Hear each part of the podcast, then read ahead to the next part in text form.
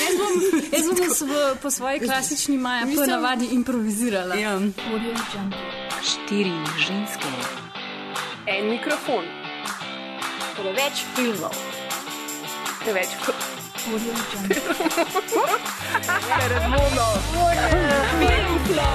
O filmu govorimo, dokler ne teče kri.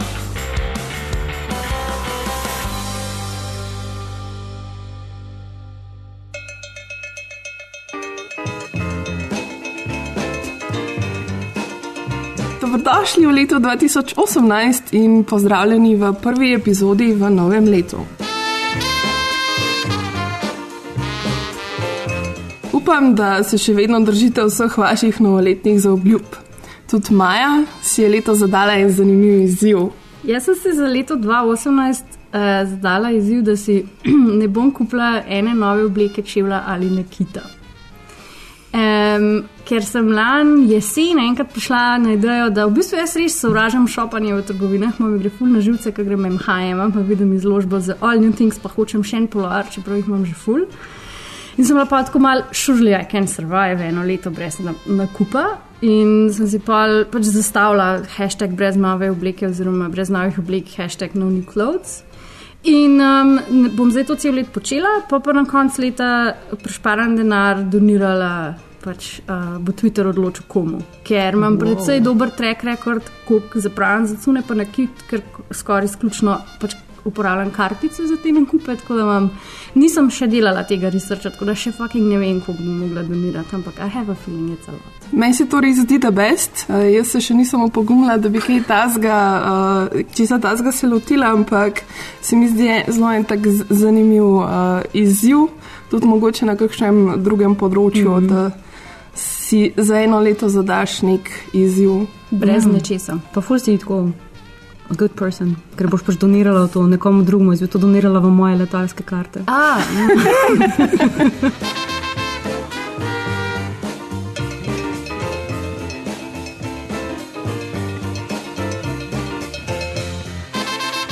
Ja, sicer pa je danes sobota, 20. januar in kot običajno smo zbrane za mizo v dvorani Slovenske kinoteke, odkudar bomo danes potovali na Florido, a.k.a. The Sunshine State. Mm, mm. Ampak preden se odpravimo na pot, nam bo Maja povedala še, kje Film Flow vedno lahko najdete.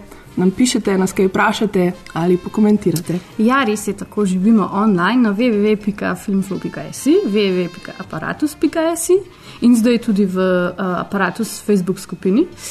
Um, smo tam zraven, pa nas lahko kaj vprašate. E, potem pa na naših socialih, ki so uh, na Facebooku FilmFlow.tm, na Twitteru FilmFlow.tm in na Instagramu FilmFlow podcast. E, če imate kakšno perečo vprašanje, e, imamo tudi svoje maile, drugače pa info.filmflow.js, če koga kaj zanima. To to. Na današnjem filmskem izletu nama bosta družbo delali Sanja Struna, ki jo zdaj že kar dobro poznate, kot našo dopisnico za vse stvari povezane s Korejo. Mm, kimči? Ja, Kimči, kako kaj, Kimči, zadnjič sem videla um, eno fotko na Instagramu, da si si pripravila novo Tako zalogo. kot gremlini. Um, ampak pač, ja, dejansko sem naredila ful veliko zalogo, ker nekako pričakujem, da bo letos mal več ljudi, ki bi hoteli to probavati. Ja. Ampak, Tako da, v čem je skrivnost Kimčija, zakaj imamo vsi to tako radi? v bistvu kimči je fermentirano zel- zelje v svoji bazi um, in je eno od petih najbolj- torej. pač, Ampak ni, ni kislo. Ne, ni kislo, ja. A veš, pač sladko, pekoče, hmm. fermentirano zelje, ki v bistvu, kot bi človek temu rekel, smrdi. In to ful. In imajo, večino korejcev ima dejansko dva hladilnika, enega za kimči in enega za ostalo hrano.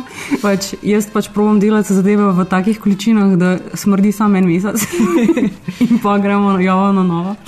Um, ampak je v bistvu ja, ful je zdrav, ker pač res dobre bakterije, pa to pa narejene same zelenjave, pa na bazi. V bistvu, jaz, jaz delam ta zgled tudi veganom prijazen, ker pač obstaja več kot 150 vrst kimčija. Sem Wow. wow. pač una klasična monoter seafood, ne? pač vsaj neko base mm. morske hrane.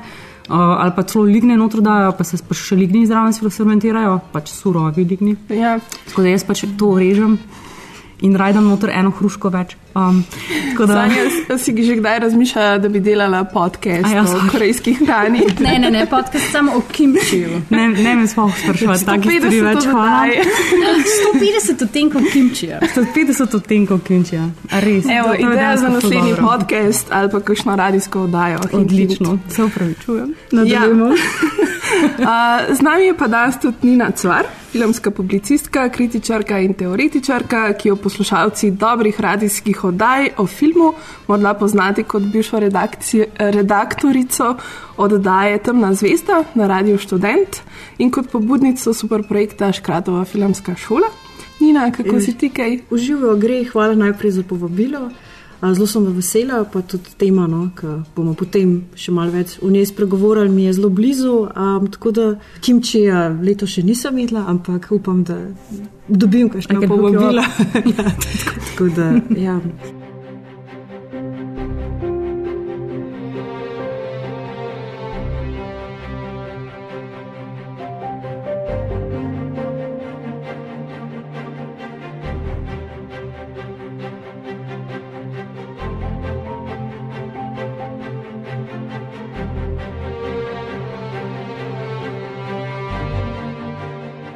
Tokratni 88. oddaji Filmflova se odpravljamo na sočno Florido, v poceni obcestni hotel, ki se bohoti v vseh odtenkih sivke. Motel Magični grad je nekoč služil kot turistična postojanka za obiskovalce Walt Disney Worlda, danes pa deluje bolj v funkciji nekakšne socialne ustanove. The Florida Project oziroma projekt Florida je film ameriškega neodvisnega režiserja Šona Bakerja. Uh, film prekipeva od vibrantnih barv, otroške energije, iznajdljivosti, domišljije, a pod to pravlično, v sladkorno peno zavito zunanjostjo se skriva kar neprijetna stvarnost propadle ameriške ekonomije, revščine in brezdomstva. Thank you very much. You're not welcome. The man who lives in here gets arrested a lot. These are the rooms we're not supposed to go in. But let's go anyway. Could you give us some change, please? The doctor said we have asthma and we gotta eat ice cream right away. Here you go. Haley, we got a situation here. Open up. It's only second week of the summer and there's already been a dead fish in the pool. We're trying to Water balloons thrown at tourists. Boobies! Boobies! I failed as a mother, Moni. Yeah, Mom, you're a disgrace. Ampak preden se lotimo debate o filmu, nam bo Maja povedala še en kratek sinopsis. Uh, z veseljem. Uh, The Florida Project, ki ga v slovenščino prevaja, preja, pri, prevajamo Florida Projekt. Projekt Florida. Projekt Florida. Hvala Bogu za končno in normalen prevod filma. Mm -hmm. Thank you, distributerji. Uh, the Florida. The, Um, The Florida Project spremlja uh, Muni, šestletno um, nadebudno, živahno, pametno, energetično punčko in njeno mamo Haley, kako preživljata svoje dni v tem Magic Castle uh, hotelu oziroma motelu. Muni se svojimi uh, dve, dvema do best friendoma podi na okol, dela same še nenegans, pa take cute otroške pizdarije. Če lahko rečemo, da, da, da požgejo en star hotel, ki je otroška pizdarija, ampak ja. pač um, zelo, je, uh, zelo je navihana, pa sesi, pa smart, pa v bistvu, v bistvu se ima ful dobro, ali cel cajt tega filma. Uh, Hayley, njena mama, ki je opisni prevod uh, očitno bila teenage mama in je zelo mlada mamica, pa svoje dni preživi tako, da skrbi za to, da zasluži dovolj denarja, da si lahko tedensko plača ta hotelsko sobo. To dela tako, da prodaja ukradene parfume, ukradene uh, Disney bracelets in um, when the going gets tough, tudi s prostitucijo. Um, ker pač, kot je Jana rekla, ne glede na to, da je to zelo lep, živahen film, magičen, ima zelo realne podtone.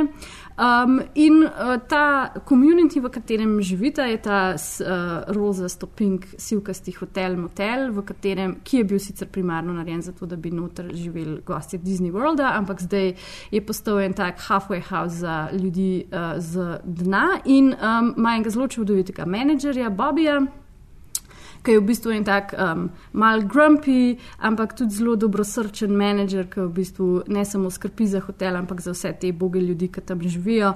In, um, Skoraj me mika, da bi rekla, da imajo skupaj ene zelo lepe dogodivščine, ampak na koncu koncev je to vendarle film, ki govori o white trash ljudeh z dna družbe, tako da se v bistvu pol film zaključi na eno tako mogoče mal mm -hmm. uh, dramatično oziroma realistično noto, ampak ne bom zdaj enkrat za spremembo delala spoilerjev, ker mislim, da bomo tekom pogovora prišle do konca in ga tudi pokomentirali, tako da to je okviren sinopsis tega filma. Kot sem že omenila prej, je režiser filma Projekt Florida Sean Baker, ki ga je v bistvu večina od nas šele bolje spoznala leta 2015, ko je filmski svet navdušil s svojim mikrobudžetnim, na dva iPhona posnetim in vrtoglavo dinamičnim filmom Tangerine.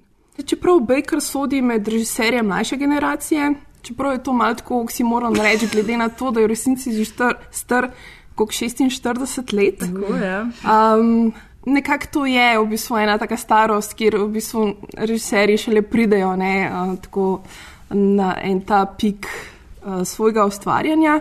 Spada tudi nekako med te neke nove glasove ameriškega neodvisnega filma, ki se uh, trenutno večinoma zbirajo okrog produkcijske hiše A24. Um, med njimi so recimo tudi Greta Gerwig, pa Barry Jenkins, uh, ki ga poznate po filmu Mesečina, in pa recimo tudi Trey Edward Schultz, ki je meni eden um, bolj zanimivih režiserjev. Um, če omenimo samo nekatere, seveda jih je še veliko več. Je pa v bistvu projekt Florida Bakerjev že šesti celovečerni film. Um, tako da v bistvu mogoče za začetek lahko malo povemo o tem, kdo je torej sploh Sean Baker in zakaj smo ga odkrili šele zdaj če smo ga, mogoče ga je kdo od nas poznal že tudi prej. Jaz sem ga odkrila zdaj. Sem čist tako, pač tangerin, jaz ga nisem nekako uspela, nekako sem ga, ga zgrešila v tem procesu in zdaj sem ratala ful zainteresirana še za vse ostale stvari, ki se v bistvu okrog njega vrtijo, ker ima tako zanimiv pripovedniški glas in bi rada videla, kam še kaj na druge teme zapovedati. Mm -hmm. uh, tako da to, mislim, da bom šla kar nazaj in gledala zdaj po vrsti skozi do začetka, vse, kar je pač naredilo. No. Tako da pač, mi boste mogoče danes ve kaj več povedali. Mislim, jaz sem videla za Tangerine, ker je bil full na hype dve leti nazaj, ampak pač tudi nisem gledala filma Tangerine, tako da je to v bistvu moj prvi Sean Baker film. Kar, nad čemer sem jaz čist bolj očarana, je nad uh, poslušanjem intervjujev z njim, ker je pač um, zelo inteligenten, pameten, razgledan, prijazen, considerate mlad mož, očitno, ker ljudje pri 46 so zdaj mladi, očitno, tako da mi smo še otroci ali kaj, ne vem. Um, ker se mi zdi, da me je fulmej um, impresioniralo to, da si on res veliko dal prav s premislekom o tem, kaj in kako bo snimal, in da je zelo tankočuten pri teh stvareh, ki jih snima, zato ker se mi zdi, da se zelo dobro zaveda, da itak tematizira neke teme, ki so uh, zdaj pereče, in, na, in zelo poskrbi za to, da pač in um, protagonisti v tem filmu in cel, cela problematika, da je prikazana celostno in da v bistvu nobenega ne užal, oziroma vsem da nek merit, ki so v, njemu, v njegovih filmih. Tako da me ful zanima, ja, pa, kaj, kaj nam bo še pokazal naprej. naprej zdi se mi, da je zelo, zelo pomemben tukaj povdar, da, da kljub temu, da dela na način, ki nobenega ne užal, to mm. ne pomeni, da je zdaj politično korekten. Ne, ja. Um, da ima vseeno pač tudi zelo tako politično sporočilo, pa da je v resnici kljub temu, da je ta v bistvu nek, um, vi, da je neka vizualna plat zelo Disney-like, je pač pod to platjo se skrivajo pač neke te kritične. Mhm. Um, mm. Mi je bilo pa ful zanimivo, ker sem nas poslušala njegov intervju, ker se on se ful očitno zaveda. Um, dveh plasti svojih filmov, ki pač je rekel, da vse glih pa je to entertainment industry, pa dela znotraj te industrije. In da vse glih pa tudi noče zdaj delati čist nekih takih zamorjenih, tugih, da pol pridemo mi vse iz kinodvorane, pač čist zaprepadeni. Ne? In me je fulmin presenetil, ko je v bistvu On Florida Project rekel a komedi, ki pač ne bi jaz rekla, da je a komedi, ampak je pač potem tako obrazložil, glih zaradi tega, ker se zaveda, da pač uh, bojo ljudje gledali ta film, investirali denar in čas v gledanje tega filma, da pač vse glih. Um, Snemam tudi s, te, s tem v mislih za ljudi, da pač imajo nekaj od filma, pa ne samo nekaj tužnega. No. Tako da mi je res presenetilo, kako globoko on premislil o tem, kaj dela in kako dela. Mm, jaz bi se tudi strinjala z vsemi vami. Um, tudi meni je pravzaprav najbolj padel v oči s Tangerinom. Mm. In prav tudi ta aspekt, ne, na eni strani, kar si tudi izpostavlja Ana, a fotografije, pa hkrati v bistvu tudi, kar ste videli, pač ta njegova premišljenost in hkrati zavedanje, da pač film je se rodil iz nekega cirkuškega aspekta, pač ima nek ta zabavljaški moment, hkrati pa ima v sebi vedno tudi to zmožnost, da vzpostavi neko kritiko, neko političnost in Um, kar jaz pri njemu cenim, je to, da to vzpostavlja na tak način, kot si tudi rekla, Maja, ne, da uh, se ne počutiš, saj jaz se ne počutim eksploatirana v tem, pač čeprav mm. delam neke teme, ki so pač aktualne teme, ki so teme, ki so pač saj pri njemu fokusirane na neke marginalizirane skupine. Ne. Um, pa hkrati ta premišljenost. No, mislim, meni je zelo pri njemu všeč to, da, saj po mojem mnenju, razume filmski jezik um, da pravzaprav razume, kaj lahko pravzaprav z enim kadriranjem naredi. Ne. To pa se mi zdi danes krtko, dost, um, ne, ne bom rekla redkost, ampak način, kako pa to podaja, pa mi je uh, edinstveno. Tako ga jaz vidim. No. Mm. Um, in tudi jaz, no, kot si tudi rekla, ne, Sanja, da pač. Um, Zelo me zanima, kaj bo še v nadaljevanju nam postreglo. Mm. Ja. Jaz uh, sem ga spoznala v bistvu zaradi filma Tangerine, uh, ki mi je bil res odličen film, mogoče tudi eden najboljših filmov leta 2015, zelo poseben. In res je bil drugačen film iz večjih vidikov, ne? iz tega, kako je bil produkcijsko narejen, do tega, s, kateri, s kakšnimi temami se je ukvarjal in na kakšen način jih je prezentiral. Um, ker, kot sem že omenila, Tangerine je bil um, imel res zelo nizka proračunska sredstva, mislim, da je bil narejen za 100 tisoč dolarjev, kar je pač za Ameriko res noč. V bistvu, za Ameriko je to malo, da je to mikrobudžet. To, ja. to je že za, za Slovenijo malo, ne v resnici, ja. kar zelo veliko pove. Um, in ta film je posnel na dva iPhona in um, v bistvu film zgleda res boljš kot marsikater film posnet za pač več sto milijonov. In v bistvu Tangerine je res uh, bil en tak zelo, zelo poseben film, um, ki je v bistvu Šona Bakerja res prpelal tako na oči svetovne javnosti. In v bistvu so bila pol prav zaradi tega pričakovanja za Florido, projekt Florida zelo velika in jaz sem zelo vesela, da jih je nekako uspel izpolniti, ne, da je uh, obdržal v bistvu to svojo kvaliteto, um, da je v resnici se podal v nek čist s tem filmom, Flo, projekt Florida, v nek čist nov teritorij, ne, tudi v smislu, kako se dela film. Um, ne vem, kako, kakšen vizualni stil ima film, kakšno uporabo kamere.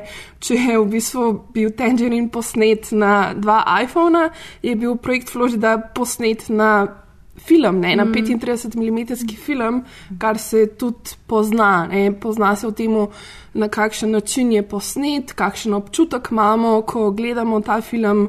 Uh, ker vseeno v bistvu ta materialnost filma prenese sabo tudi mm. neke čisto posebne stvari. Je pa to mogoče zanimivo, kar sem jaz um, slišala, da je v bistvu Florida Project bil prej koncipiran, pa dalj časa z njim, kot pač Tangerine. In, da, in potem, ko mu je rad narediti Tangerine, pa seveda, ki je bil tak uspeh, je potem dobil mal več financ. Um, Mal več Leewaya, zato da je posnel potem The Florida Project, tako kot se zagreje. In je v bistvu tudi tako, uh, da je Tangerine posnel na iPhone, ni tak stvar uh, budget constraintov, kot pač res artistične izbire, kaj jaz pa zdaj ta artist, ki bo na iPhone posnel, ni bilo to, to pač niso imeli budžeta. Ampak je pa izbira pač 35 mm traku. Bila mal tudi zaradi tega, ok, ne sem kaj pač cinefil, pa, rad, pa je pač želel to narediti, pa da ohranja filmsko kulturo. Ne? Tudi zato, ker pač ni hotel biti znan kot ta iPhone dude. Tako da v bistvu na nek zanimiv način je Tangerine kar precej vplivala tudi na Florida Project in ga v končni fazi tudi omogočila. No, mm. Ja. Ja, se, se zdi se mi, da on na splošno na ta način dela filme, ne, da je v bistvu konstantno v nekem procesu raziskovanja, um, ker ima tudi ta pristop de, delanja filmov, da najprej ga neka tema začne zanimati, potem se odloči, da jo bo raziskal in poskuša priti v ta svet, se vključiti v ta svet. In če ti hočeš priti v ta svet, rabiš enega posameznika, ki te bo v ta svet lahko upeljal. Mm. In v bistvu zelo veliko, oziroma večina njegovih filmov se je zgodila na ta način, da je najdel enega zanimivega uh, posameznika. Konkretno tudi v Tangerine sta bili to ti dve glavni junakinji, okrog kateri, katerih je potem on spletel zgodbo. Ne? In podobno je bilo tudi pri projektu Florida, um, kjer je v bistvu ideja je bila ta, oziroma um, njegov soscenarist ga je opozoril na to tematiko um, teh hotelov oziroma brezdomcev, ki živijo v hotelih.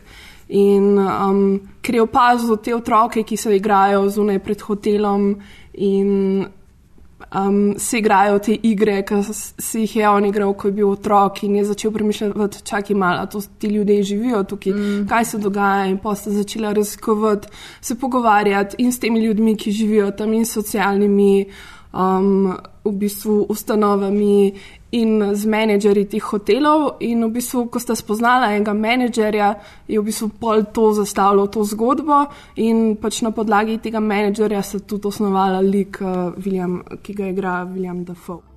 I had been a fan of uh, Sean Baker's from Tangerine. Well, I liked very much how he described about his approach. It seemed like a very specific world. I think it was basically that place, that very specific place, and the fact that he was mixing me in with children, uh, first time actors, was exciting. If you cast well and the people are not self conscious and they're very present, even if they don't have traditional actor skills, uh, skills, you get something else. You get that presence, you get that commitment, you get that kind of freshness.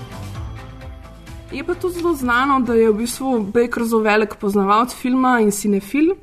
Um, med drugim lahko sledite tudi na um, filmskem, filmski platformi Letterboxd, ki jo jaz zelo priporočam, ker je res ena taka super stvar, kjer lahko slediš temu, uh, kaj ti gledaš, pa tudi kaj drugi gledajo, kaj je trenutno popularno, kaj se gleda um, in tako naprej.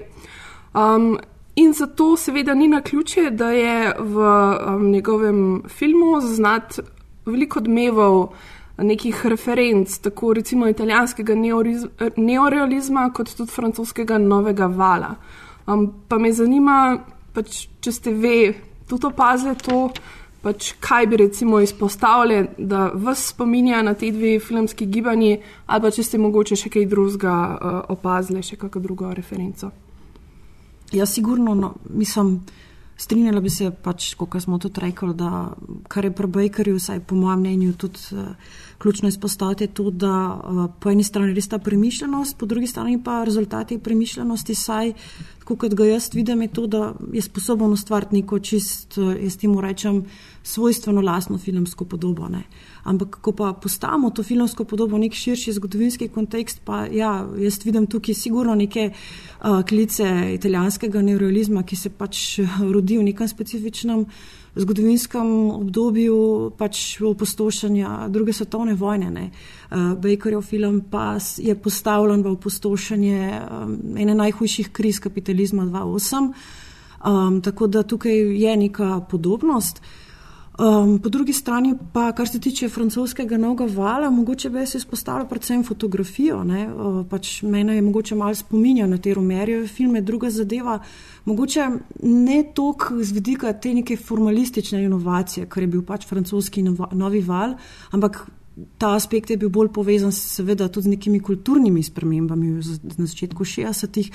Um, bi pa izpostavila mogoče eno zadevo, no, saj, saj tako, kot sem jaz potem sama razmišljala, meni je zelo spomnil tudi na 400 udarcev, ne, v smislu tega nekega otroškega protagonista, tudi za me mogoče so 400, je 400 udarcev najljubših filmov, ne, in predvsem te, se bomo potem še v nadaljevanju zaključni prizor, mene je ta tek, no, uh, me je res zadev, ne, in zadev mu je seveda zelo podobno kot pri 400 udarcih, kjer je seveda v spredju ta nek um, pač otroški svet, uh, skozi katerega pa seveda se odslikava in sondira čist neki drugega. Ne.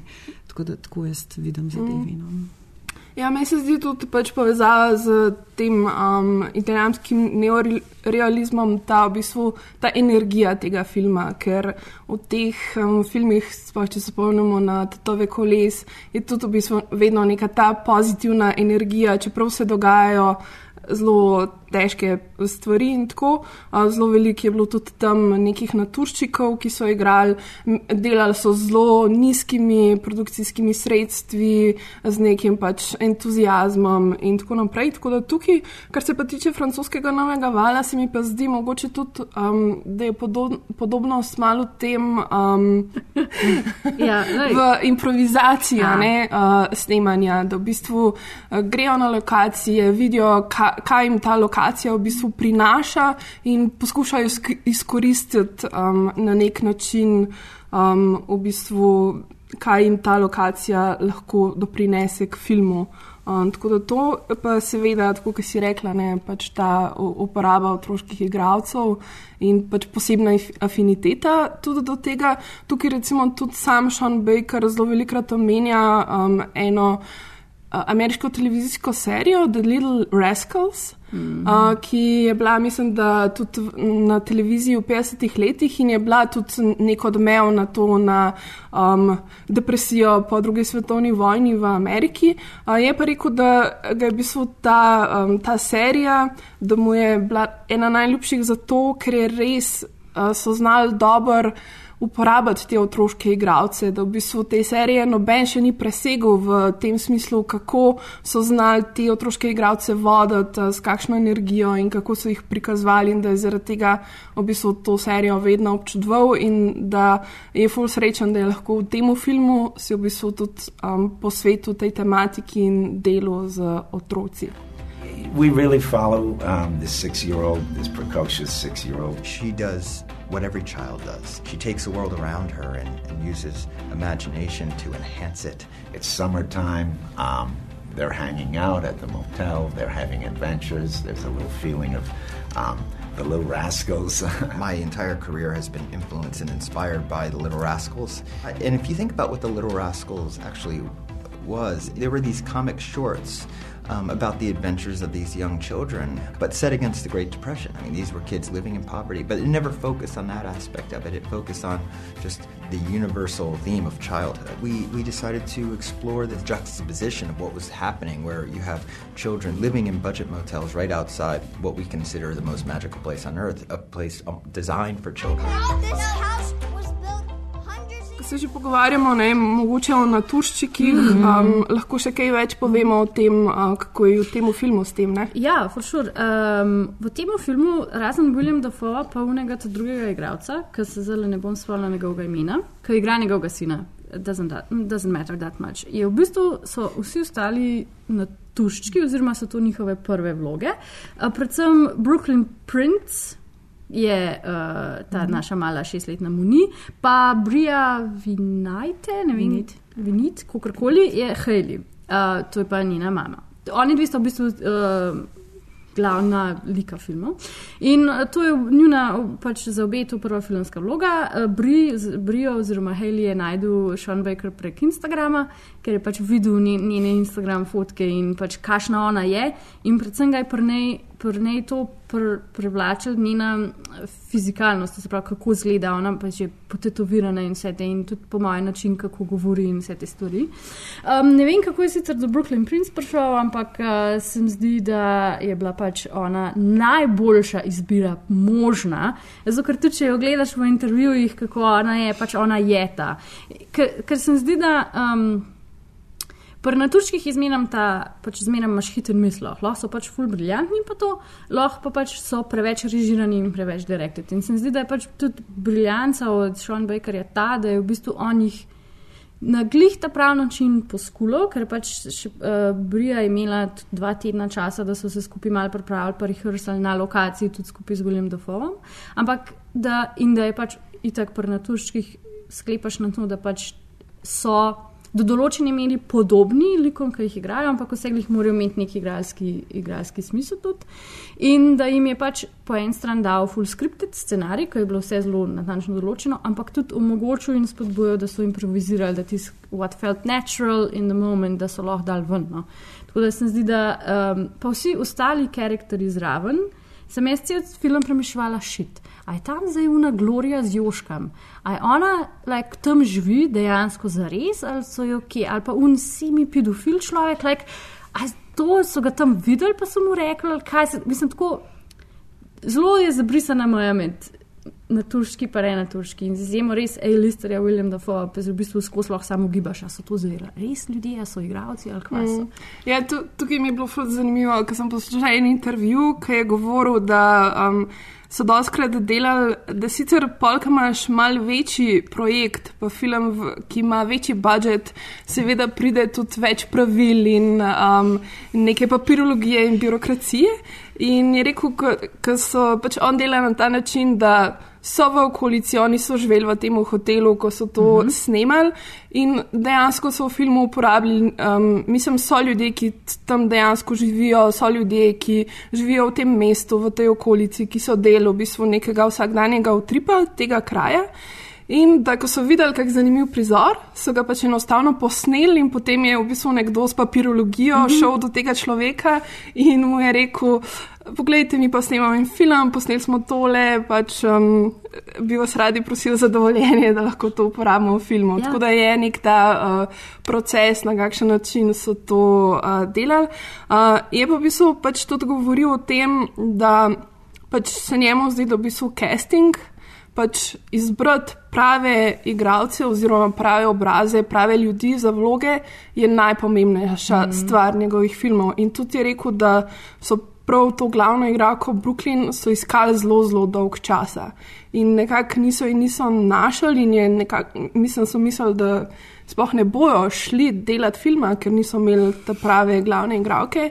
In potem je prišla ta Brooklyn mm -hmm. in enostavno so tako vsi se začeli spogledovati in oh, ja, to je to, to smo iskali. In potem se je seveda izkazal kot um, briljantna. Kot briljantna.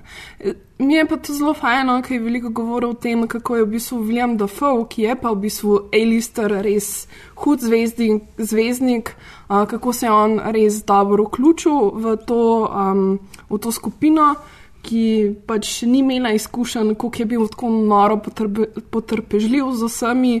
In a, da je res bil tako, da je best oseba na svetu, in da je ful po, pomagal, sploh te Haley, uh -huh. um, ki se je pač kot prvič, mislim, v neki res glavni vlogi, mogla kar zelo, ja. po mojem, potruditi. Yep. My mom and dad talked for me for like five minutes about Willem, and then we started watching. and then we started watching Spider Man. That's all I knew that he was in. And then, You and a lot of people. yeah.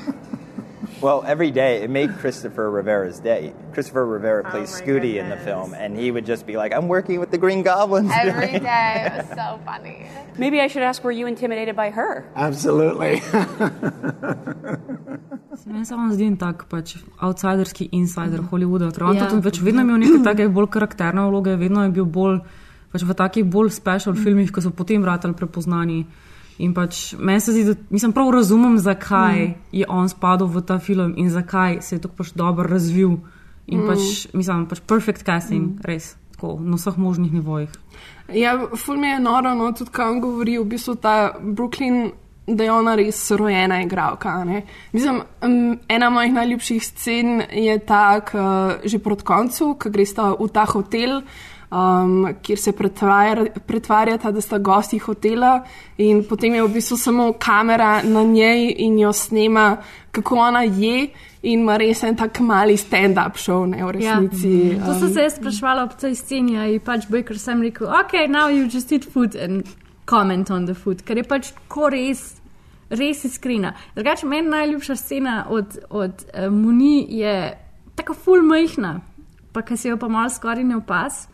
Ko um, tlesko s helikopterji mem letijo in one dve z Heli enkrat zdita na klopci in Heli kaže Fakiča in je mu ni še tako majhna, ker pač pol tudi razlaga v intervjuju, da pač ni znala Fakiča kazati in se vidi v filmu, ko je tako, pa si pa tako ona popravi prste, da naredi Fakiča. Ker se zdi, da je to tako.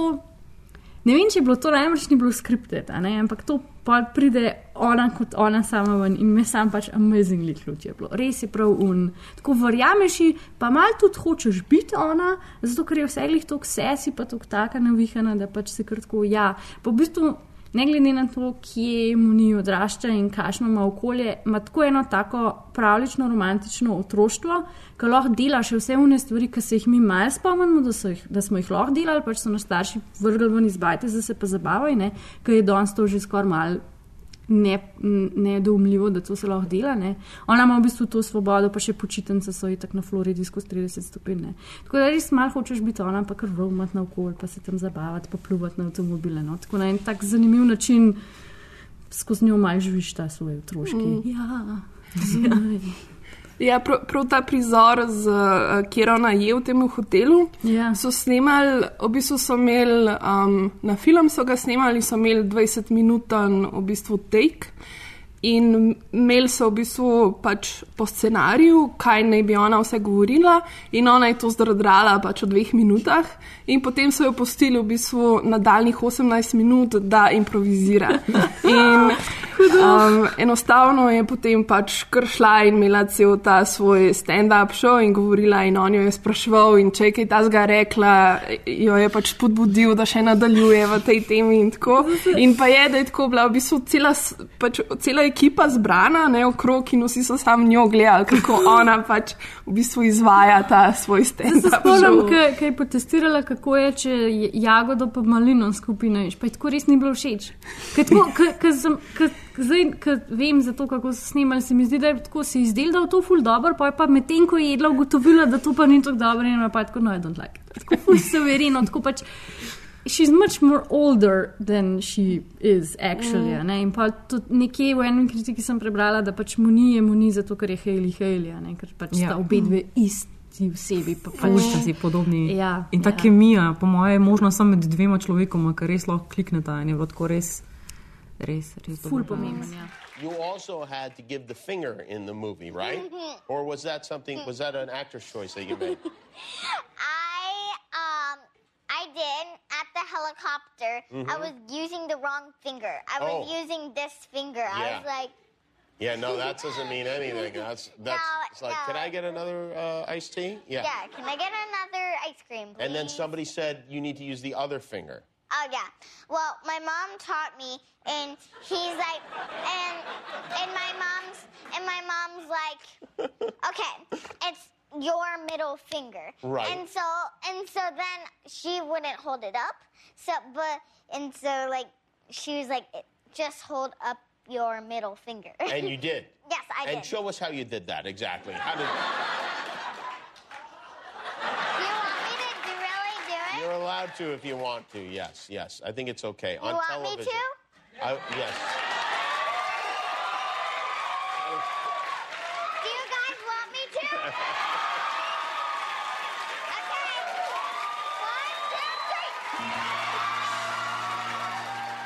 Mislim, ena od stvari, ki se je meni zdela res um, tako ena največjih odlik tega filma, je tudi izvrstno ravnotežje med to pravličnostjo in realnostjo, med otroško nedolžnostjo in krutostjo uh, življenja, ki ga oni živijo. Um, Baker res zelo spretno uh, prepleta ti dve realnosti. Um, če povzamem mogoče kar kri misel kritika A.O. Scotta, ki je zapisal, da film doseže nekaj nemogočega. Nad gledalcem izvede magični urok in mu hkrati pove resnico. Tako v bistvu v enem filmu dobimo dve kontradiktorni stvari. Ne? Mislim, meni po en- meni se je zdelo po eni strani že to ful genialno, kako je čist prevajal. Mislim, že sama re, pač realnost teh motelov, ki izgledajo kot gradovi, taki res čip, ono pač, iz- veš, graduate, pa on moment, plastics, Mm. a, pač ta plastična realnost moderne Amerike, no, ampak ki, ki v bistvu živi v gradu in je princesa, sem takrat je motel in on Ja. pač ful v kopalni kadi. Ja, ja. Um, Meni ja. men je bila ful um, zanimiva dihotomija, I guess, da bi tega rekel, kako lepo je film posnet. Ne, kako vse lepo izgleda, tudi ti, kar hočeš biti malo hajli s temi tatuji, pa temi lasmi, pa temi outfiti. Čeprav v bistvu živijo v absolutni revnoš, revščini in na robu družbe, in v bistvu ni, ni ničesar, kar bi ti si dejansko želel za svoje življenje, razen tega nekega feelinga, ki ga vam da ta film. In pač za vsakim, očitno nas, v svetu, za vsakim uh, modernim pač power making. Um, Um, uh, Disney Worldom, Paris Worldom, whatever, Lego Worldom stoji pač en slum, ki se presesa na njega in živi. In, v bistvu, in je slum zato, ker pač živi v senci teh pač, um, inštitucij. In je v bistvu Sean Baker naredi tudi eno pametno stvar, kako nam pričara glih to pravličnost in realnost, ki mi v bistvu gledamo skozi oči otroka vse te stvari. Otrokom je vse normalno, kar jim, kakršen koli svet jim ti daš. In mu nisi v bistvu, razen res na koncu filma, se ne zaveda, kje ona živi. Ne, je osem, ona pač sicer ne more iti v tam safari, ampak gre pa tam gledati krave. Ona ne more iti v ne vem, kašen haunted house, gre pa te neke stvari gledati. In v bistvu zaradi tega se mi zdi, da je film tako heartbreaking, ker nam v bistvu ne na prvo žogo, Sean Baker reče, da ti ljudje so res na robu družbe, ful se imajo betna, ampak v bistvu ti da muni, je polna življenja, pa ful se ima osem, ampak pač. Ti vidiš, kar ona ne vidi, in zaradi tega je tako si um. Mislim, jaz sem bila cel cel filma. Cel cel filma sem bila tako, ošit, kaj se bo zdaj ne zgodilo, kaj se bo ne zgodilo, kaj bo tam, ko je um hotel zažgala, bo zdaj tam se kakšna posledica. Ne? Ampak ona živi svoje otroštvo, ki v bistvu nima nobenih takih posledic. Ne? She has fun, pač dela te pizdarije, zato ker jih lahko, ker je stara šest let, pa je dolg čas. Ampak v bistvu se njej tako zaradi njenih dejanj nič kaj takega traumatičnega ne zgodi. Ne? V bistvu je pa um, realnost. Ji pač udar, zato ker pač Haley ne more pohenjati tega, ne? ker je Haley njena mama in pa ne more zagotoviti bivanja v tem hotelu, that's where the world crashes. Pač, če bi mu ni bilo še kar naprej živelo v tem svetu. In se mi zdi, da je zato je ful že spet tankočutna ta meja med pravličnostjo in realnostjo, ampak pač glih zaradi te tankočutnosti sem jaz pač bila cel cajt film živčna, kva se je zgodil, pa sem lahko, mojemu bog, tem, tem ljudem je treba dati proper housing, pa da jim poskrbeti za njih. Pač jaz zelo tako gledam ta film, kaj nam je avtor želel povedati. Ne, ne tako na nek drug način. Tako da sem bila, poskus malo živčna, poskus sem bila malo tako. Oh. This guy has disease that makes his feet. Oh, and no one uses the elevator because it smells like pee. The man who lives in here gets arrested a lot. This this woman in here thinks she's married to Jesus. Oh, watch out, watch out for the water. Because guess what? I went to the hospital one time. These are the rooms we're not supposed to go in. But let's go anyway. Se meni je recimo zanimivo, ker ti projekti niso samo pač nekako, mislim, nisem slam, mm -hmm. oziroma full dobro je prikazal, kako je to po eni strani še vedno skupnost. Mm -hmm. yes. pač, to je bilo meni pač, recimo, full šič, pa full močna, pač, pač ta strong point tega filma. Tako da ni spet. In tudi, recimo, Heli, v kakršni koli situaciji je, pač vsi vemo, da obstajajo mame, ki bi lahko veliko slabš pohendale oh, ja. te stvari. In v bistvu glede na to, kakšni situaciji je in kakšen človek je, Heli še vedno nekako si ful giba po meji tega, da ni slaba mama. Ne, ni jaz, res rekla, ne, da ni pač, slaba mama. Tako da res pač še vedno nekako proba odstraniti svojo hčerko, oziroma mogoče bolj to, ne vem, friends odnos kot hčerka pa mama, ker so pač leta, pa ne vem. Ampak nekako. Zelo ji pač vedno poskuša prčarati ta ja. lep, um, ja. lepo podobo življenja, oziroma ji omogočati, ja, da se ji še ni ja. treba ukvarjati. In tudi ona se gre te igrice z njo, da se mm. pretvarjata, da se ne vem, nekako pač prenaša se med hčerko in materjo in prenaša se v celo skupnost in pač nek tak še eno neko postoj, ki ni spet mm. tako, ne vem. Se meni, kar je bilo meni tudi pri tem filmu všeč, je tudi to, da, kot si tudi Jana že na začetku rekla, ne, ta problem politične korektnosti, mm. ne, ki pravzaprav vse zakriva, ta diskurs je pač res problematičen. Ampak kaj Baker uspe ravno tudi z mamo in tako naprej. Kleni nobenih sod, nobenega tega moraliziranja. Mm -hmm. Ne, in tukaj pač imaš, meni se zdi, da se film dogaja na toliko različnih ravneh, pa hkrati v bistvu teh ključnih ravneh. Ja, tematizira pač res nek, ne vem, neko skrajno individualizirano družbo, kjer deluje res na temu afektu potrošništva. Ne. Po drugi strani pa kaže, ne, tako kot si tudi rekla, Sanja, to neko solidarnost, meni ti prizor, ker tam oni delijo med sabo sladoled, ki je že kar tako mal partizansko na nek način. Ne. Mm, mm. To se mi zdi tako simpatično, hkrati pa v bistvu je cela skupnost tukaj, ki v bistvu skrbi drug za drugega, kar je v bistvu paradoks na to neko skrajno uh, individualizacijo neoliberalne družbe. Kot da nam bi Baker hotel pokazati, da obstaja neka druga realnost. Mm Ne, obstaja neka druga oblika uh, družbene vezi in to je za me pač film. Ne. Film, ki mm. v bistvu na nek tak zelo um, inovativen način, ki v bistvu zelo pokaže, da pač Baker pozna filmsko zgodovino, hkrati pa pač tudi razmišlja o tem Mm. sedanjem trenutku. In iz tega aspekta je bil meni ta film zelo tak. Um, In tudi zelo intimno me se me je dotaknilo. No? Mm. Um, Meni je zelo zanimiv ta prizor, v bistvu čisto na koncu, ko pridejo socialne delavke po Muni in imaš v bistvu to soočanje teh socialnih delavk, ki so res v bistvu ta.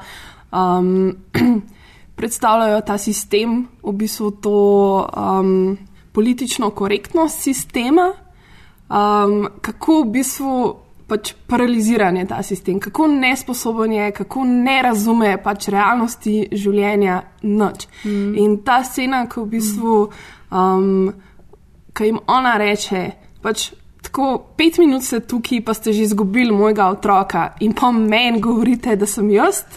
Pač ne fit za starša, tako kaj narobe z vami, kaj narobe z vašo mentaliteto, tako kva. In, in to tam je ja. res tako odličen Pa pač- prizor.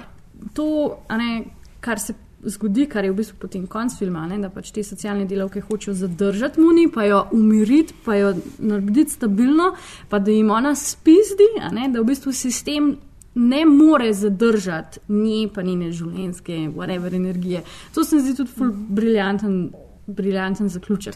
Pač film bi lahko komod zaključil tako, a kaj konca jo oni vzamejo, whatever happens. Ne, pač she breaks free in a sort, in, in, in gre stran in, in sistem ne more. Sistem je tako rigiden, da ne more sploh pohendati tega. Zdaj, ta, ravno ta vidik je pol mene spomnil lih na 400 udarcev, uh -huh. ki je v bistvu tudi pač Antoina, gledamo, kako on v bistvu beži, teče, ampak in potem tudi ta zadnji prizor, ki v bistvu tebe ne govori. Ti gledalec, kaj boš pa ti, ne, saj tako sem jaz razumela, ta ključen pač film francoskega nogovala. Ne, in tus, tukaj je isto, ne, v bistvu ona teče v ta pač simulakr, ne, ker cela ameriška družba simulakr, ki pa v bistvu tudi tam, kjer a, pač lahko Bobija spremljamo, ki barva tisto roza barvo, pa se mu polije, kako v bistvu se ta simulakr tako nalamlja. Ne, pač ena velika pravzaprav. Mm, Neka velika zev je vse skozi tukaj prisotna. Ja, v bistvu je samo en tak lep nanos barve, pod katero pač vse razpada, ja, ne v resnici. Um, mislim, pač okrog tega filma je vsem bilo kar nekaj debat, ali to, da je v bistvu um, film zaradi te svoje lepe vizualne podobe, pa zaradi lahkotni, lahkotnosti, pač te navidezne lahkotnosti, s katero se loteva teh tematik, um, da v bistvu na nek način trivi, trivializira revščino. Mm. Mhm. A bi se ve eh, s tem strinjali, ali mogoče ne? Jaz sem prej, ko si ti Nina razlagala o tem, um, kako on v bistvu prikaže. Kako, kako Šambajker prikaže te revne ljudi, ne, pa kako v bistvu izpostavlja komunity, pa da so vsi skupaj. pa to. Um, tukaj bi lahko full hiter zašel v un, kar pač film z revnimi ljudmi dela. So revni, ampak so srečni. Pa so, ne vem, so debeli ljudje, so debeli, ampak so pa veseli. A ne v ta res gross stereotip, ki pač si mi velikrat mislimo. Ne? Ampak pač film tega res ne naredi in se mi zdi, da je to ena velika odlika uh, Sean Bakerja kot um, režiserja. Tako da jaz imam mal ta itak poverty porn pomislek, a ne zato, ker v bistvu.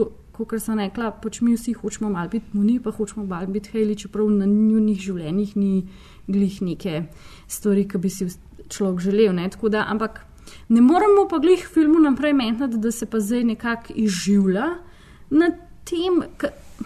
Zato, ker mu na en zanimiv način, način, način rata, da ti vse glih imaš ful sočutja do njih in v bistvu zelo dobro razumeš, kako so se znašli v tej situaciji, zelo dobro se zavedaš širšega konteksta tega.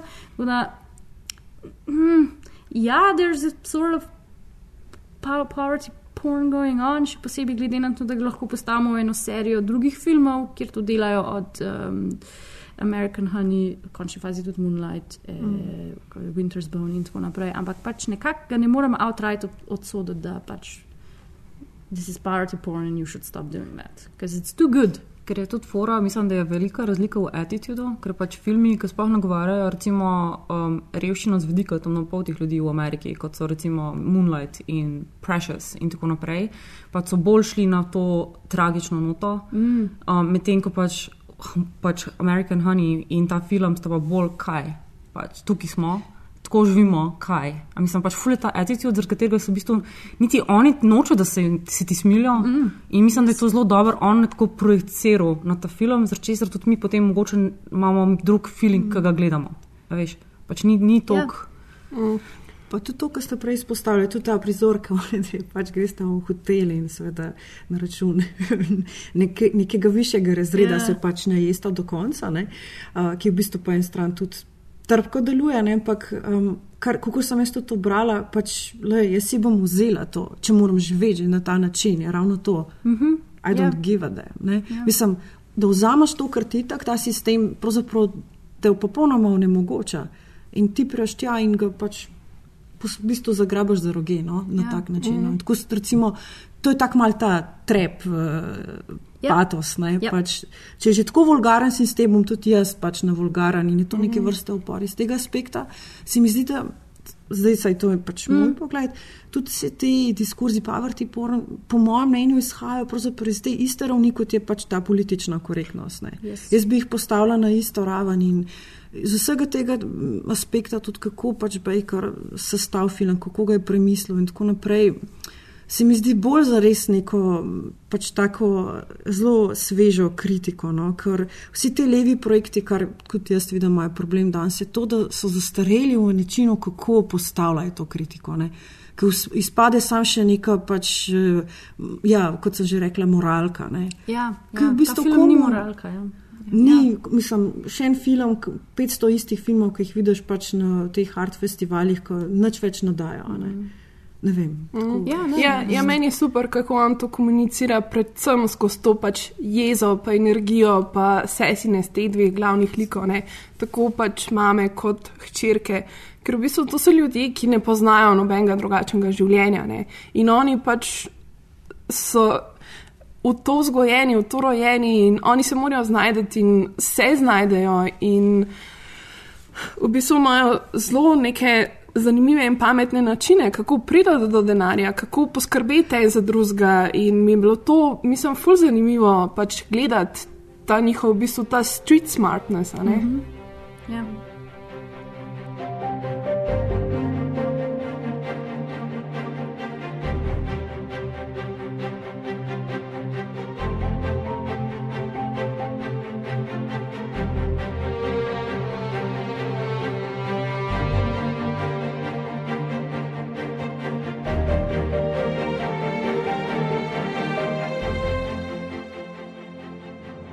Za današnjo temo, ki se bomo mečkaj bolj podrobneje posvetili, je pravzaprav navdihnil zadnji prizor uh, filma, ki je tudi pri gledalcih v bistvu pustil zelo neke take mešane občutke.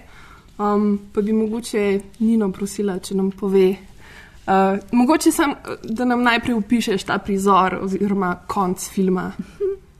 Je tako, kot smo že, tako je že tudi Maja tukaj lep sinopsis, no, ki je v bistvu že uvedla v današnjo debato. Ne. Uh, in potem nekako se je ta nica skozi vlekla, smo že nakazovali eh, skozi naše pogovore. Pač ja, tam lahko spremljamo to, um, kot sem jaz videla, no, to pač eh, neko. Nek beg, ki pravzaprav ni beg, ne je upor. Ne. Tako sem ga jaz videla, no, upor proti tudi temu sistemu socialnih služb in tako naprej. Um, in kar je pač pri tem prizoru, tudi jaz izpostavila, je to, da ni to po eni strani individualiziran beg, ne, ampak je pravzaprav beg s prijateljico, ne, Ja. kar je še toliko bolj amplificira pač ta um, afekt uh, in seveda gresta pač v Disney park. Ne, da, um, in še to je pomembno, tudi kako je to posneto. Ne, pač Posneto je, kot res vem, bilo brez dovoljen. Ne, um, Z iPhonom iPhonom, spet, ne, ja. a, ki Ja. spet pravzaprav naredi en tak, um, kar mal hipnotičen um, občutek. No. Ampak meni je recimo to, zdaj se po eni strani zelo trpo, odpre seveda prostor za interpretacijo, po drugi strani pa če pač spet gledaš, kaj pomenijo te Disney parki in tako naprej v ZDA. In se o tem tudi dost pisali, pač v nekih kulturoloških študijah, ne bodrilari in tako naprej, simulacija, simulakar. Ne, da v bistvu um, je ena simulacija, ampak uh, ta simulacija se še vedno natrga in tudi tukaj se natrga. Mi pač ne vemo, lahko si predstavljamo, kaj se pa potem z njo zgodilo. Ne. Um, pač vse te ujame, ta neka pravzaprav krivičnost sistema. No.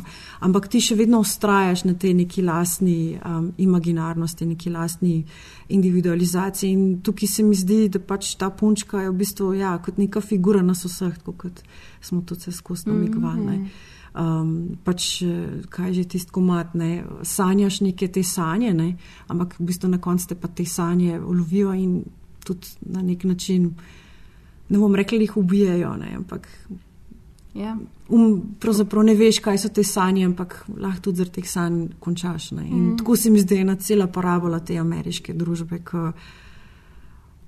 je pač mogoče najbolj, ne vem, jaz sem se spomnila tudi, ker sem gledala ta film na serijo fotografij o Detroitu, ne, uh. -huh. uh, ki je bila ne, par let nazaj, uh, kjer pač uh, ne vem, ne spomnim se, kaj je že bil ta fotograf, ampak uh, pač je sliko fotografiral v bistvu vse te zapuščene industrijske hale Detroita, ki v bistvu so sam še mesta duhovne. Ja. Uh, tako Mhm. sem jaz videla zadevo. no.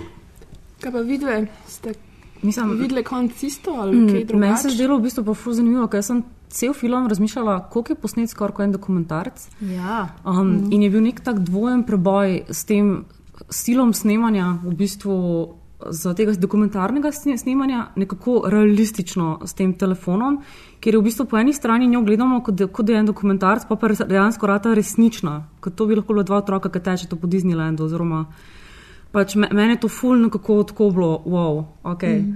Zdaj pa tako, zdaj pa real, a veš, to so pač resne punčke, pač there's Haleys, there's Moonies, pač obstajajo in Mm. so in pač. Mm. Ni, ni se šlo niti, mislim, šlo se je za sam Disneyland, šlo, šlo se je za pač ta Mind Fortress moment, ker pač smo v glavi, ali nismo v glavi, ali ne vem kaj, ampak istočasno tudi zelo zanimiv estetski preobrat mm -hmm. pač v samem filmu. Ja. Um, meni je bila v bistvu zanimiva ta odločitev za tak konc, ker se mi zdi, da se. Da se v uni točki, ko Muni zbeži stran od socialnih delovk, pa gre do frendice, pa ko se v bistvu sesuje ona. Ona je cel film pač na sesi, več kot šestletnica, kao, girl, what are you doing? Jač ta, a ne Mhm. oseba. Ampak tam se pa res sesuje, pač tako in to je pa kredit Kestanja, pa ni, pa, pa Brooklyn Prince kot očitno od, odlične igralke, da se ti sesuje in rata v tistem momentu šestletna punčka, res in jo vidiš in ti je grozno hudo. In se zdi, da je na unem, v uni točki en tak breaking point filma, ker bi po mojem film šel lahko v dve smeri. Ne? Lahko je šel v to magični eskapizem, mogoče, ko ona pa v bistvu je frendica pograb, pa gresta, pa kar not prideta, pa pač imaš ti upanje, da bo vse v redu, pa je dobro, pa vse se ima tako, ne. Lahko bi pa pač Baker tam naredil konc. Mm. In bi bilo to to, in bi bil v bistvu naš zadnja, zadnji pogled na Muni, ko pač ona v bistvu ugotovi, da se ji bo zdaj ta njen svet sesul do konca. Ampak in se mi zdi, da,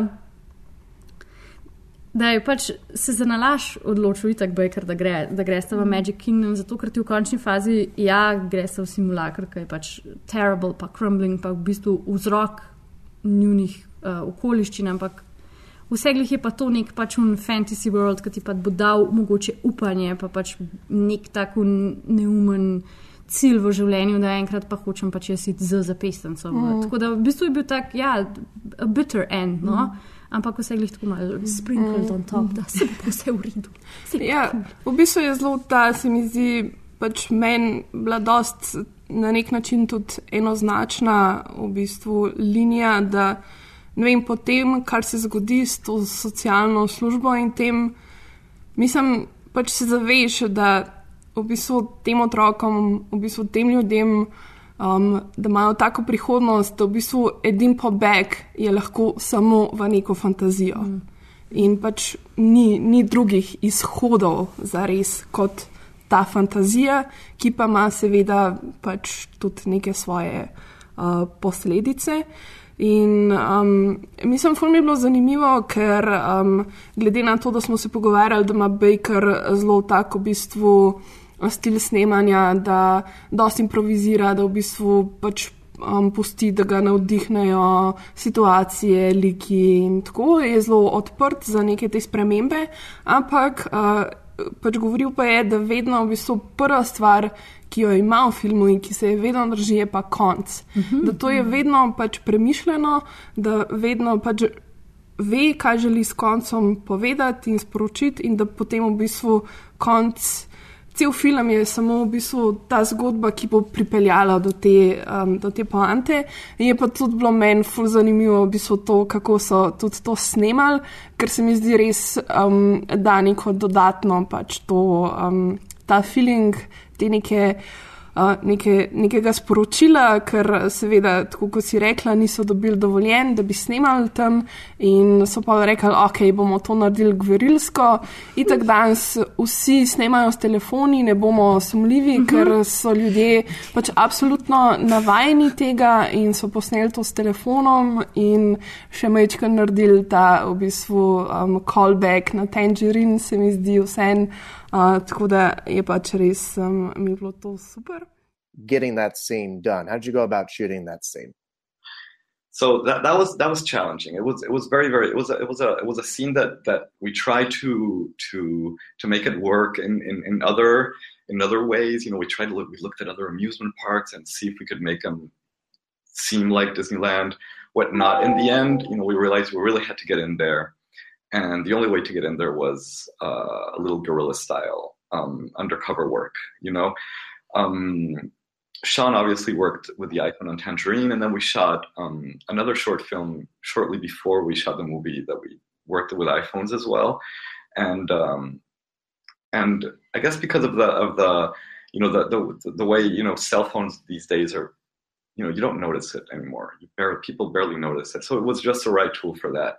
We also had an anamorphic adapter for the for the iPhone, which allowed us to to work within the same visual uh, landscape as a 35 millimeters. And so we just you know we, we disguised ourselves uh, as a family, went into Disneyland. And, uh, and shot the final scenes there. We're also looking to kind of dis- visually create a little bit of a difference between that sequence and the rest of the film, just because um, we wanted to keep it a little ambiguous as to in what universe that film that that scene is happening, whether it's an imaginary uh, universe or a real universe. You know, we don't want we didn't want to make it 100% clear. We just wanted to make it a little bit open to interpretation and a little bit open to to, to a more poetic, um, I guess, bring it to a more poetic landscape or universe. Yeah. Tako da v bistvu ta ideja, iz katere izhajamo, je pač ta Disneyland oziroma Walt Disney World kot epitom, epitom Amerike oziroma ameriške družbe. Um, v bistvu že sam naslov filma Projekt Florida uh, je povzet po imenu, ki ga je Walt Disney imel najprej v mislih za ta današnji Walt Disney World. Um, tako da v bistvu projekt Florida je enako Disneyland, je enako Amerika. Um, in pa v bistvu te tematski parki, ne, ki jih je izumil Disney, so dejansko kot neke ready-made metafore za Ameriko, za ameriški narod, za, neke, za neko ideologijo ali pač za neke vrste sprevrženo utopijo.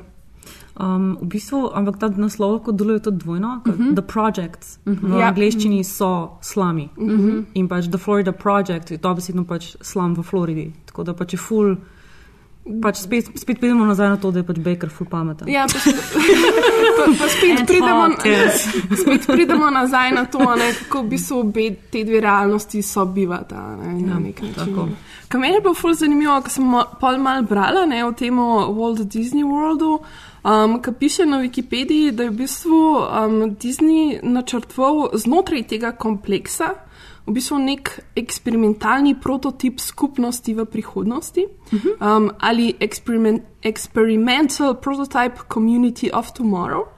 Ampak ker je v bistvu v procesu, ko so delali to, je on umrl in so nekako v bistvu pol niso tega izvedeli, ampak so naredili pač v bistvu kopijo basically Disneylanda. Pa kako je v bistvu on v bistvu že s svojim študijom, ki ga je naredil v Burbanku, je v bistvu ta studio je bil ta, ta Disneyland, ta svet.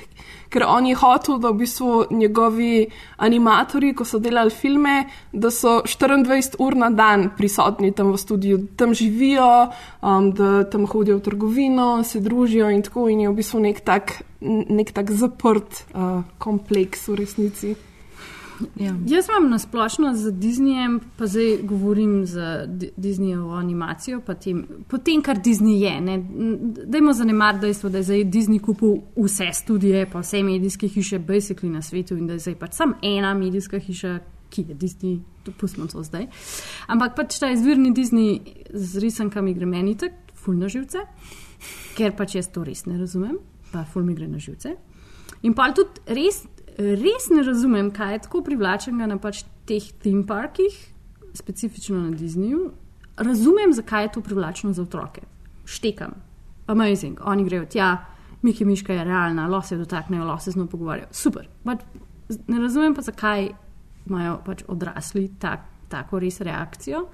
Še posebej pa se mi zdi ful zgovorno to, kako daleč smo mi pač um, privlekli te theme parke, da pač zdaj v bistvu nek, neka kurčeva vožnja, Pirati iz Karibov, je zdaj sponala 10 tisoč filmov, um, precej uspešnih. Da pač mi smo, vsta naš svet je tako fokusiran na pač pravljice in eskapizem in pobeg nekam, da pač moramo zdaj črpati iz tematskih parkov še vsebine za film. Ker pač Pirati iz Karibov so um, a, a ride in one of the parks. To ni nek bil skript nekje ali pa neka mokra sanja nekoga, da bo pa nazaj oživil pirate, ampak je bil pač najprej bila vožnja. In jaz to pač sam res ne razumem. In zato se mi zdi pač ful dobr, da je pač, je Baker post, kon, uh, da je pač ta problem um, navidezne, kako že oni temu pravijo, hidden homelessness. Ne? Ko v bistvu imaš ti, ok, ko pomisliš na brezdomce, une, ki jih imamo tudi v Sloveniji, pa ki so v ne, zunaj, pa kaj veš, da zunaj spijo.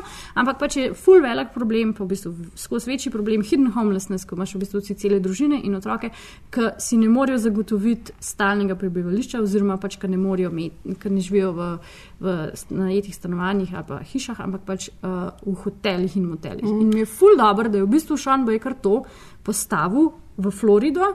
Zraven Disneyja, zato ker je pač to full velik pač counterpoint res tej ameriški simulakrasti kulturi, pa z, z njihovo res zelo problematično realnostjo. Ne? Zato, ker pač, I guess, da Disney World si v Ameriki lahko prvoš vedno manj ljudi, ampak vedno več ljudi se pa nabira okrog Disney Worldov po Ameriki, ki živijo Mhm. na Pa robu. kako sta v bistvu ta dva svetova popolnoma ločena? Ne? V Ja. bistvu to je tudi ta prizor s tem helikopterjem, mm. ko v bistvu te turisti se samo dotaknejo teh tal in potem že odletijo v te svoje lepše svetove, medtem ko v bistvu te nek, to neko realno življenje pa ostaja tem nižjim slojem ne, na nek način. Oziroma zlomu, ki pride, do, do katerega pride, ki pač brazilska turistka in njen mož prideta na honeymoon v napačen hotel. a ne, Pač, kaj In se oni dva ne bosta tlele. In so v bistvu the smil magic ono muni, pač, v bistvu, ki je muni tako, le, le uboga ženska. Pač. Ja. Ja, to, to mi je tudi tak bil lep line. Pride pa do zmede, zaradi tega, ker je pač Magic Castle ime tega motela, v katerem živi Muni, mm. -hmm. medtem ko Magic Kingdom je pa ime hotela v Disney Unga, Worldu. unga, v katerega Ja. vsi iti. a ne. Ja. Um, you know, I should. I just want to obviously just just point out the fact that for the people who haven't seen this film, and I think people might get the perception sometimes, but it, we're not pointing fingers. We're not being disparaging to Disney. Actually, to tell you the truth, uh, in events like this, and Q and A's, and interviews, I'd like to emphasize that being in that community, everyone is truly working to help eradicate the homeless situation in that area. I mean, you know, we, we went in there thinking, yeah, oh yeah, point. Let's look at what how the corporation is has has has has caused this, but it's not true. The recession is what caused this. The recession of 08 and and the housing crisis that followed. And to tell you the truth, the uh, local government is working directly with agencies, directly with philanthropists, and and Disney. You know, Disney uh, gave um, a charitable donation of five hundred thousand dollars last year to the Homeless Impact Fund, which is, you know, uh, helping uh, Central Florida. So, so again, it's not about that. Um, yeah. Mislim pa, meni je tudi fascinantno to, da v bistvu ta revščina, ne, pa v bistvu to, da oni morajo živeti v teh hotelih, je v bistvu, mislim, zelo pokaže na to, kako drago je za res biti revana. Ne.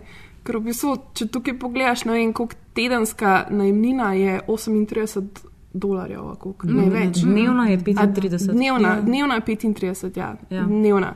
In to res nanese pač po celem mesecu res full velik denarja. Mislim, veliko več, kot mi plačujemo tukaj za karkoli. Ne. Tudi Sean Baker je rekel v enem intervjuju, da je to več, kot on plačuje za najem svojega stanovanja. Ne. Tako da je to, mislim, en zelo tak zanimiv uh, podatek vseeno. Mm. Mi je pa tudi ful fascinantno v tem filmu, kako fotografija filma sledi tej tezi, o kateri pač ravno kar govorimo. Um, Sean Baker je pač pri projektu Florida sodeloval z odličnim mehiškim direktorjem fotografije Aleksom Zabo, um, s katerim ustvarita res izjemno vizualno podobo. Um, v kadrih konstantno vidimo neke napise, imena hotelov, ulic in pač drugih teh stavb, ki razkrivajo to brutalno ironijo ameriških sanj. Um, ne vem, spomnim se za enega prizora, uh, kjer v bistvu um, se Muni in Haley vračata iz ene te prodaje parfumov in je ona res utrujena. Um, Muni je utrujena in jo Paul Haley naroži na svoja ramena, in v bistvu prihajate po eni ulici, kjer je v bistvu ta The Dwarf Lane, neki ta zga Seven Dwarf Lane. In v bistvu ne vem, tako ko gledaš te um, kraje, kjer, mimo katerih hodijo, vidiš neke zapuščene um, klinike um, in pač take stvari. No. Ne vem, če ste vi tudi še kaj um, podobnega opazili, vem, da Sanja je tukaj imela en, en zelo zanimiv. Pač, ja, meni se je zdelo pač ful to udejanjanje kapitalizma, v bistvu, oziroma dobesedno na momente je, bilo, je bila pač fotografija na, res na pa konce- koncept moving picture, ki imaš v bistvu ozadje in v ozadju je neka stavba, ki je ne vem, ali je pač ice cream hut ali nekaj pač tazga, ki ful je kapitalistično in v obliki sladoleda ali pa v obliki pomaranče ali pa v obliki ne vem česa. In pa sem v bistvu otroci ti pač stečejo čez v bistvu pač tak stil shot pride in je, ne vem, ful govori samo zase, pa istočasno pač ful je teh različnih trgovin, vsaka je specializirana in de, pač prodaja to eno stvar Mhm. in je ful plastična in pač je tom, ampak so dosti prazne in ni spet toliko ljudi tam, po drugi strani pa v bistvu je, sta že sami dve, v bistvu tudi Muni pa, Muni pa pač Haley. Recimo Haley nima denarja, na neki točki se mora zateči v prostitucijo, ampak, veš, tetovaže stanejo denar. Ona ima iPhone, pač. Tudi, ko dobi neki denarja, greš pa ga tako zafrčkata za karene zadeve, ko v bistvu bi lahko s tem denarjem kar nekaj časa pač preživela. Recimo, če bi živela na drugačen način, kot recimo pač od, od Jensi, družina, pa njena pač babica, ne, ki imajo tudi tak mogoče drugačen, drugačno doživljanje te revščine. Ampak mislim, kapitalizem je vse prisoten v tem filmu, pa res je pametno izrabljen um, kot tako. Pač celotna lokacija je pametno izrabljena kot metafora za ta Mhm. kapitalizem Mhm. moderne družbe. ravno ta dvojnost, ne, ki jo vse skozi opazujemo. Ne, meni je pač glede tega prizora, ki sem ga že tudi prej izpostavila, vse skozi so te indici, ne majhni indici, ampak ravno ta razlivanje roza, ne, barve, ki je res roza, pa je meni taka barva za to neko fantazijo, za neko, simula, za neko eh, pač, um, simulacijo in tako naprej. Um, in ne vem, iz tega aspekta no, se mi zdi, pač, eh, se mi zdi, da ta celoten ameriški film zelo težko recimo govori neposredno o nekih pač družbeno-političnih Mhm. temah sploh. Uh, ne vem, pač sama ameriška situacija je malo specifična v primerjavi z um, Evropo. Um, in pač pri Bakerju mi ravno to, no, kako skozi te ključe simbolne to pač pokaže. ne.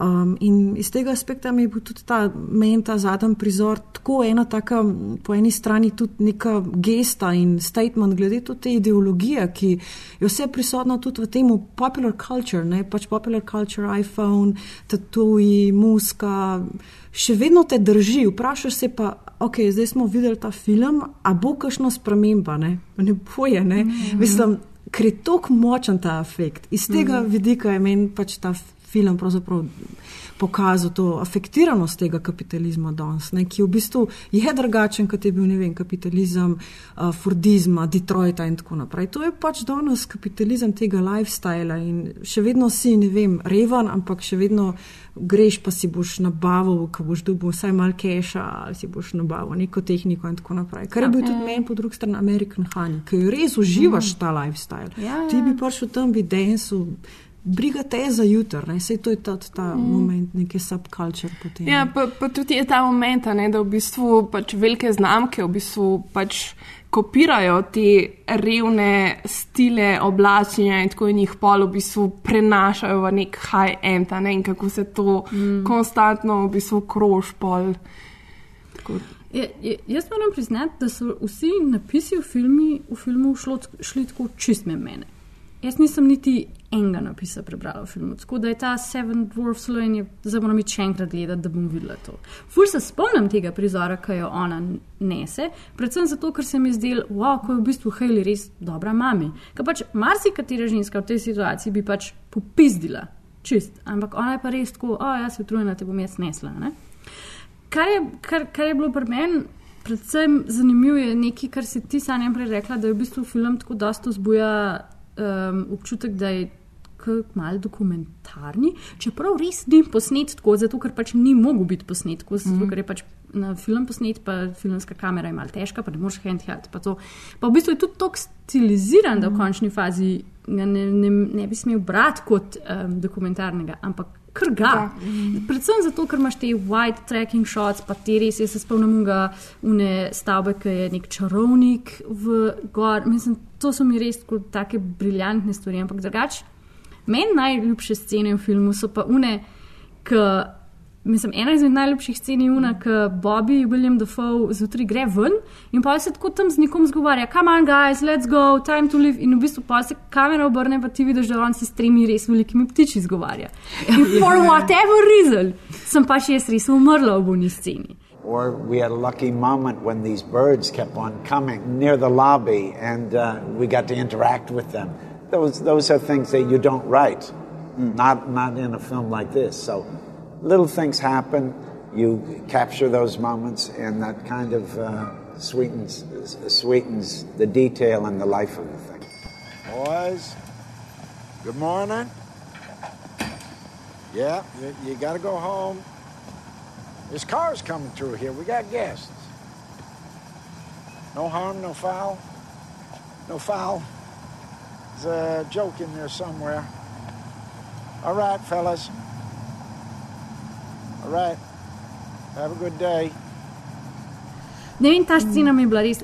Čeprav je una scena, ki Heli nalima vložek na, Ja, na ta- okolje, tako, kaj demice, kaj jaz včasih nisem tega naredila. Ampak Ker ta je res tako. Ja, the ultimate, tako, a ne? Ja, ampak, tam je, ampak ta s ptičimi je nekako bila tako Ja, ja. bolj taka. Ah. Pa tudi ta prizor je pač res da besk, je Maurica, ne, čez cel ta hotel. Ker to, to je bilo tudi v bistvu naključje, ne? Ja. Čeprav meni tudi ta vidik, no, ki si ga tudi ti že prej sanje izpostavljal in pa, ko smo se tudi prej pogovarjali o tem, kako pač oni tisto hišo, ne, ker v bistvu vidiš te zapuščene hiše, ki točno veš, da so rezultat pač nepremičninske krize, ampak to, ne, da potem vsi kličajo in snemajo, ko gori in vsi tam s telefoni, to je, to je ta vidik, ki po eni strani deluje tudi kot gesta, ne, Le, tukaj se lahko mi upremo, saj ne veš, kako se boš drugače. Ja. Pravzaprav prvo finančnemu kapitalizmu, ampak tukaj, ki gori, ne, mm. ni tam je bil Neron v Rimu, tukaj smo pa mi, ne plebs s telefoni, pa uh, ne, tu. Ja, to, ta je res uh, genijalen prizor, ja. Flor, da si ga omenila.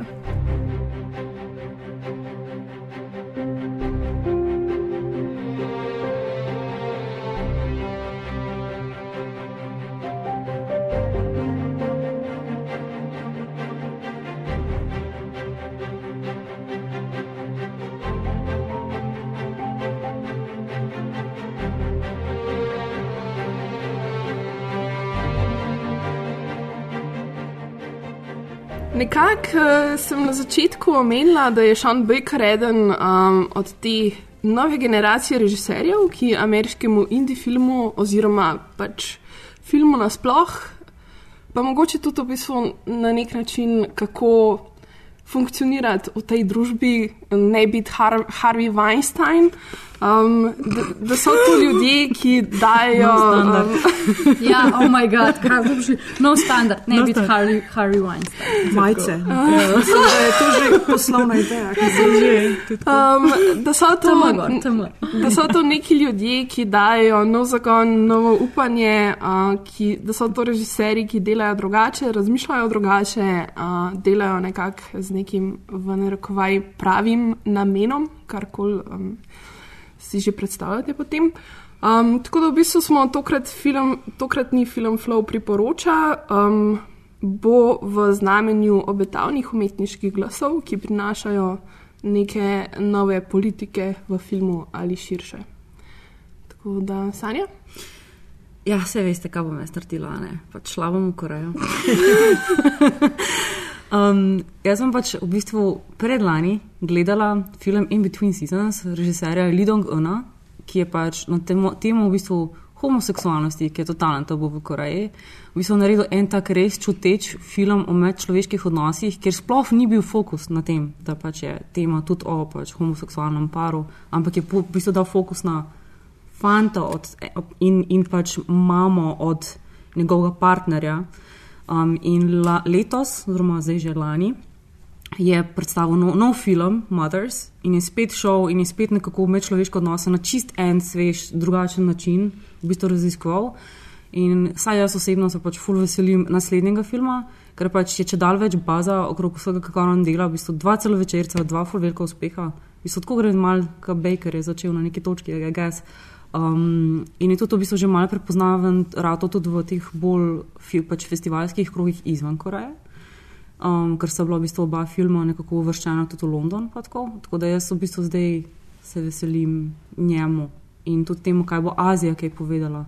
Ker Azija je, saj za nas, recimo, vedno dosti sveža, ker pač nismo tako mogoče na njeni frekvenci, pa mm. tako izpostavljeni njenim stvarem.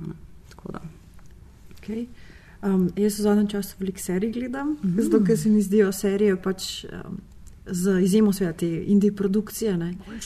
Um, ja, ker se pač enostavno se mi zdi, da poznajo več povedati. No? Več ja. se mi zdi, da znajo tudi zaobjeti, pa pač seveda imajo tudi najbrž neke več uh, umetniške svobode ali karkoli. Ne?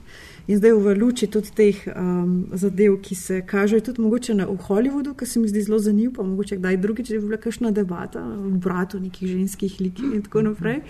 A, mogoče ja, Solovej predlagam, um, pač scenaristka, režiserka, ki je tako pač delala že par Six Feet Under, pa drugače Transparent, zdaj ta I Love Dick, ne, uh, ki je v bistvu tudi ena taka zanimiva kritika pa te intelektualne scene, ki v bistvu sama sebi že namen, ki ne veš niti kaj bi, kaj sploh še ni njena vloga no, v današnjem svetu. No. Dear Dick, how did we not know each other before now? Baby. Three. Don't be mad at me. I'm not. I forgot what lust felt like until I met you. I don't find you interesting. Not now. Not ever. Oh, God. What are you writing? Short story disguised as a letter. Who's your letter to? Dear Dick. Mm, jaz v bistvu ful nisem fokus na imena, ker pač. Mm, whatever. Mislim, ni mi to nek tak fokus. Tako da pač, ok, vzemi se za Grete Grvik, pa Pesi Jenkins, pa to, kar ima Tlejana napisan. Jaz to se strinjam, pa najbrž bojo ti ljudje delali marsikaj. Pa pač. Sem zmeraj excited, kadar Hollywood naredi to potezo, da pač gre stran od Spielbergov in teh inštanc, pa pač da posnet mega hollywoodske blockbusterje, kar enim ljudem, kot naprimer uh, Taika Waititi za Tora, pa te stvari. That always makes me happy, tudi Patty Jenkins za uh, Wonder Woman. Ampak ker uh, scenarij kliče potem, da dam eno ime, ne, bom zdaj izkoristila to priložnost, ker sem uh, v pripravi na uh, snemanje tega podcasta slišala, da v bistvu Brooklyn Prince oziroma naša Muni želi biti režiserka, ko bo velika in ker so pač vprašali Sean Bakerja, kaj on o tem misli, bom kar. Uh, um, Brooklyn Prince nominirala za glas, ki se ga veselim. Ker se mi zdi, da če ona v sedmih letih ima tak ego, bom rekla, uh, željo delati filme, močno upam in držim pesti, da bom čez 10-20 let videla, kaj še njen popolnoma outrage z glasom in kričeč in tak film, kot ona je. Tako da, evo, Brooklyn Prince. Se slišimo čez 20 let, če bo če se kaj od tega uresničilo. Povem, da že kaj prej. Ne? Ja, se je glih to, mi je bilo zanimivo, kaj je Sean Baker rekel, da In this day and age, ki je toliko tehnologije, pa je toliko dostopna, da ni treba filmarjem čakati do uh, 45, 46, da ne uspejo, da pač ne snimajo film zdaj. In pa tako rekel, ja, maybe, maybe Brooklyn will make a film in two years and she'll be the youngest filmmaker ever and it will be amazing. Tako da, lej, upanje v mlado generacijo. Okay, Absolutno. Okay, so really quickly, first best, last worst. What's the first movie you saw that made you want to be an actress? Maleficent. Nice. Yeah. Do you like Angelina Jolie? Love her. And she directs movies too. Yeah. Do you ever want to Yeah. be a director? I want to be the first girl director. Oh, nice. Ja, jaz sem pa v bistvu um, se odločila za Avo Dovrnej. Um, ona je v bistvu pač e- ena izmed teh žensk, ki orjajo na nek način ledino. Bila je um, prva temnopolta režiserka, ki je dobila nagrado na Sundanceu, bila je prva temnopolta režiserka, ki je bila nominirana za najboljši film na Golden Globih in na Oscarjih. Um, v bistvu bo tudi prva temnopolta režiserka, ki bo delala film um, z budžetom nad 100 milijonov, kar pomeni, da bo šele druga ženska režiserka, ki bo delala z budžetom nad 100 milijonov. Pač prva je bila Patty Jenkins, ki je naredila Wonder Woman. I mean, to kot tem, kako daleč je že prišla pač ta naša uh, družba. Um, v bistvu je pa še ena zanimiva povezava, mogoče tudi uh, z, z Disneyjem in Disney Worldom, ker v bistvu Ava Dorney um, ima zdaj v postprodukciji film uh, Wrinkle in Time ki je v bistvu priredba ene zelo znane otroške knjige in bo to nek tak Disneyjev film. In čeprav se bojim, da bo zelo um, pač ukaljubljen, vseeno se mi zdi, pač imam pa malo tudi upanja, da bo nekaj novega vseeno naredila. Čeprav sem gledala trailer, I hated it. Ker vse se mi pa zdi, no, tudi um, a veš, um, zanimivo, da je v bistvu ona režiserka, ki prihaja tako iz zelo, zelo pač nekih. Nekega hardcore aktivizma tudi, um, delala je film o, o Martinu Lutherju Kingu, Selma, naredila je ta zelo znan dokumentarc, ki je bil tudi nominiran za Oscarja, The 13, ki je res eh, super, tudi zelo je tako aktivna ne, v vseh teh um, gibanjih. Um, in ne vem, enostavno se mi zdi zelo zanimiva odločitev, ne, da se je um, lotila Disneyjevega filma. ne. Po eni strani tudi pač ena od glavnih vlog ima oprah noter, a ne, tako da tukaj so neke tako zanimive a, stvari.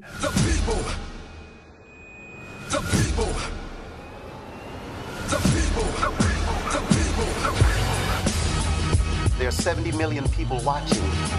These pictures are going around the world. We must make a massive demonstration.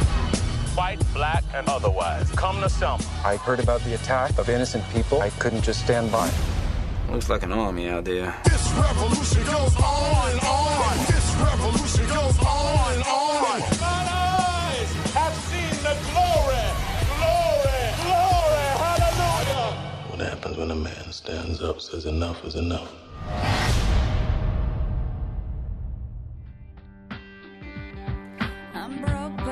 Happy.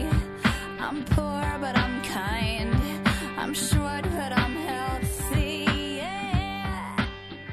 Se pa slišimo ponovno 28. februarja, isti kraj, drug film, najbrž oziroma skoraj zagotovo Lady Bird, Greta Gerwig, nekako uh, se konstantno vračamo k njej, uh, več o tem, zakaj, pa v naslednji oddaji.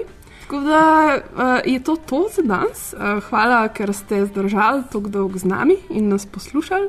Uh, tako da, adijo. Bye. Bye.